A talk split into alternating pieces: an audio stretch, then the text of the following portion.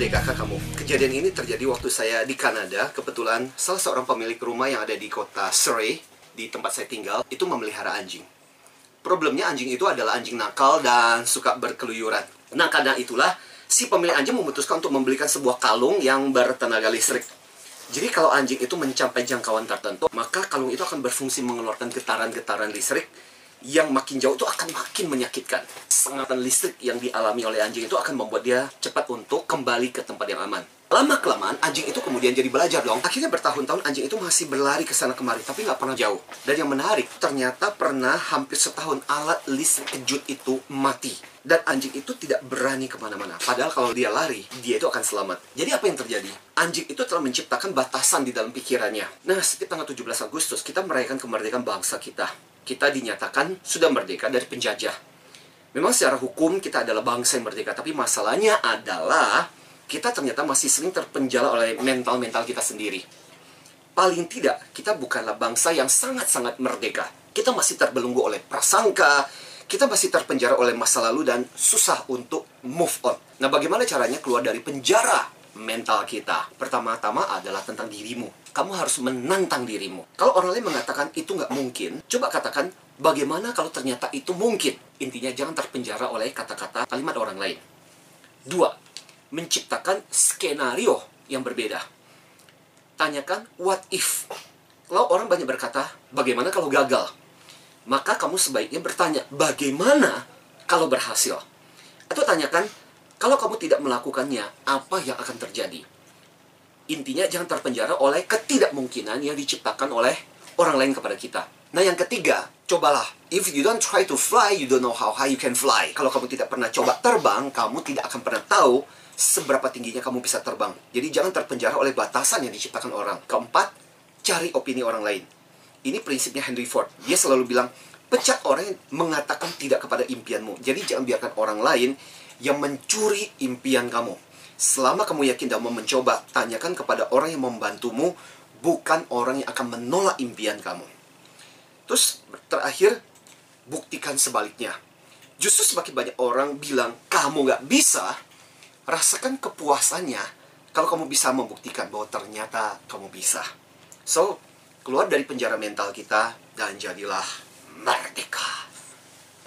Jadi depanku itu kan sekolah. Ibu-ibu, mama bawa anak-anaknya lagi mau upacara bendera nih, agak siangan. Terus salah satu mama ngomel, kenapa sih? Karena terikat begini, kenapa anak-anak kecil kayak gini disuruh upacara bendera? Nah itu kemudian plak, memberikan aku inspirasi untuk bikin puisi ini. Di bawah terik matahari, ku beri hormat pada sang merah putih. Hatiku mulai ngedumel, aduh mataharinya panas banget. Bikin susah dan menderita. Namun lantas aku teringat mereka-mereka yang berjuang bukan di bawah terik matahari, tapi di bawah desingan panas peluru. Tiba-tiba aku berkata, ah, derita terik matahari ini tidak ada apa-apanya dibandingkan dengan perjuangan perintik sebangsa, jauh dibanding pengorbanan para pahlawan kita. Betapa tidak berartinya apa yang harus aku korbankan. Dirgahayu bangsaku. Jadi kita bisa menjadi sukses dengan prinsip yang namanya merdeka. Nah, dimulai dengan M, miliki keunggulan. E, emban tanggung jawabmu tanpa banyak mengeluh. R, risiko itu pasti akan ada. Tapi nggak melakukan apa pun itu juga berisiko. D, Disiplinkan diri sampai tujuan kamu itu tercapai. E, yang kedua, emosimu itu bisa membuat beban hidupmu tambah ringan atau tambah berat. K, K, Kendalikan dirimu di antara kebutuhan dan keinginan. A-nya Antusiaslah, karena antusiasmu itu akan menarik keberuntungan dalam hidupmu. Yuk kita bahas satu demi satu. Prinsip merdeka kita. M, miliki keunggulan.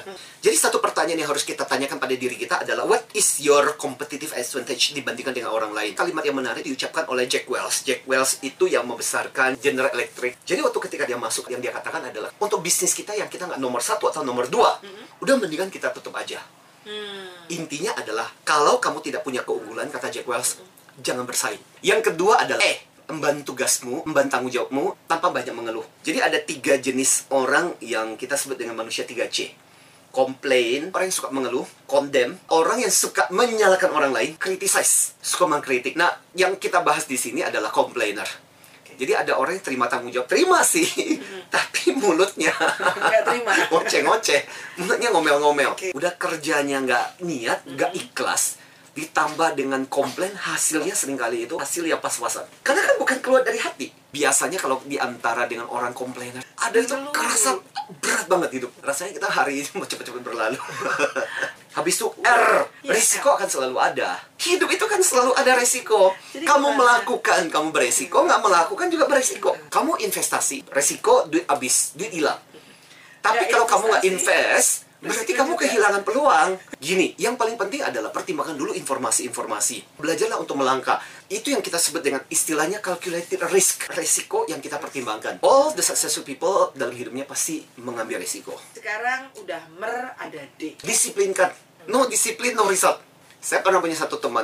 Kalau kamu sukses kamu berhasil dengan goalmu dan cita-citamu umumkanlah ke seluruh dunia kepada siapa pun ke klien ramai mengenai impian dan cita-citamu. Dan itu akan mendorong kamu untuk mewujudkannya teman saya ini dong.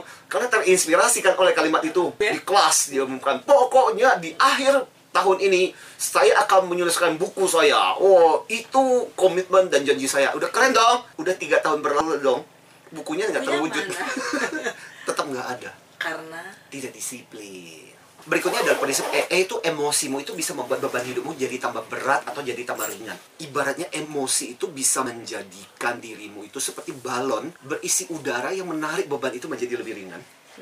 Atau dia menjadi batu besar yang justru menambah beban hidupmu. Emosi itu luar biasa emosi itu menarik. Dua orang bisa menghadapi masalah yang sama tapi karena satu orang menyikapinya dengan emosi yang lebih easy going, akhirnya dia kemudian bisa melewati itu dengan ikhlas. Sementara yang satunya, sikapnya, kejengkelannya, permasalahan itu kemudian membuat bebannya itu menjadi lebih semakin besar. Kak ya Kak, sekarang. nah ini kunci kesuksesan finansial. Kendalikan dirimu di antara kebutuhan dan keinginan. Kebutuhan itu terbatas, keinginan itu tak terbatas. Butuh itu basic, harus dipenuhi. Keinginan itu opsional. Saya butuh makan. Tapi bahwa saya ingin makan di restoran, nah itu opsional. Next berikutnya. Ah, antusias dong. Antusias itu bawa keberuntungan. Membuat kita passion lebih luar biasa dibandingkan orang yang punya bakat.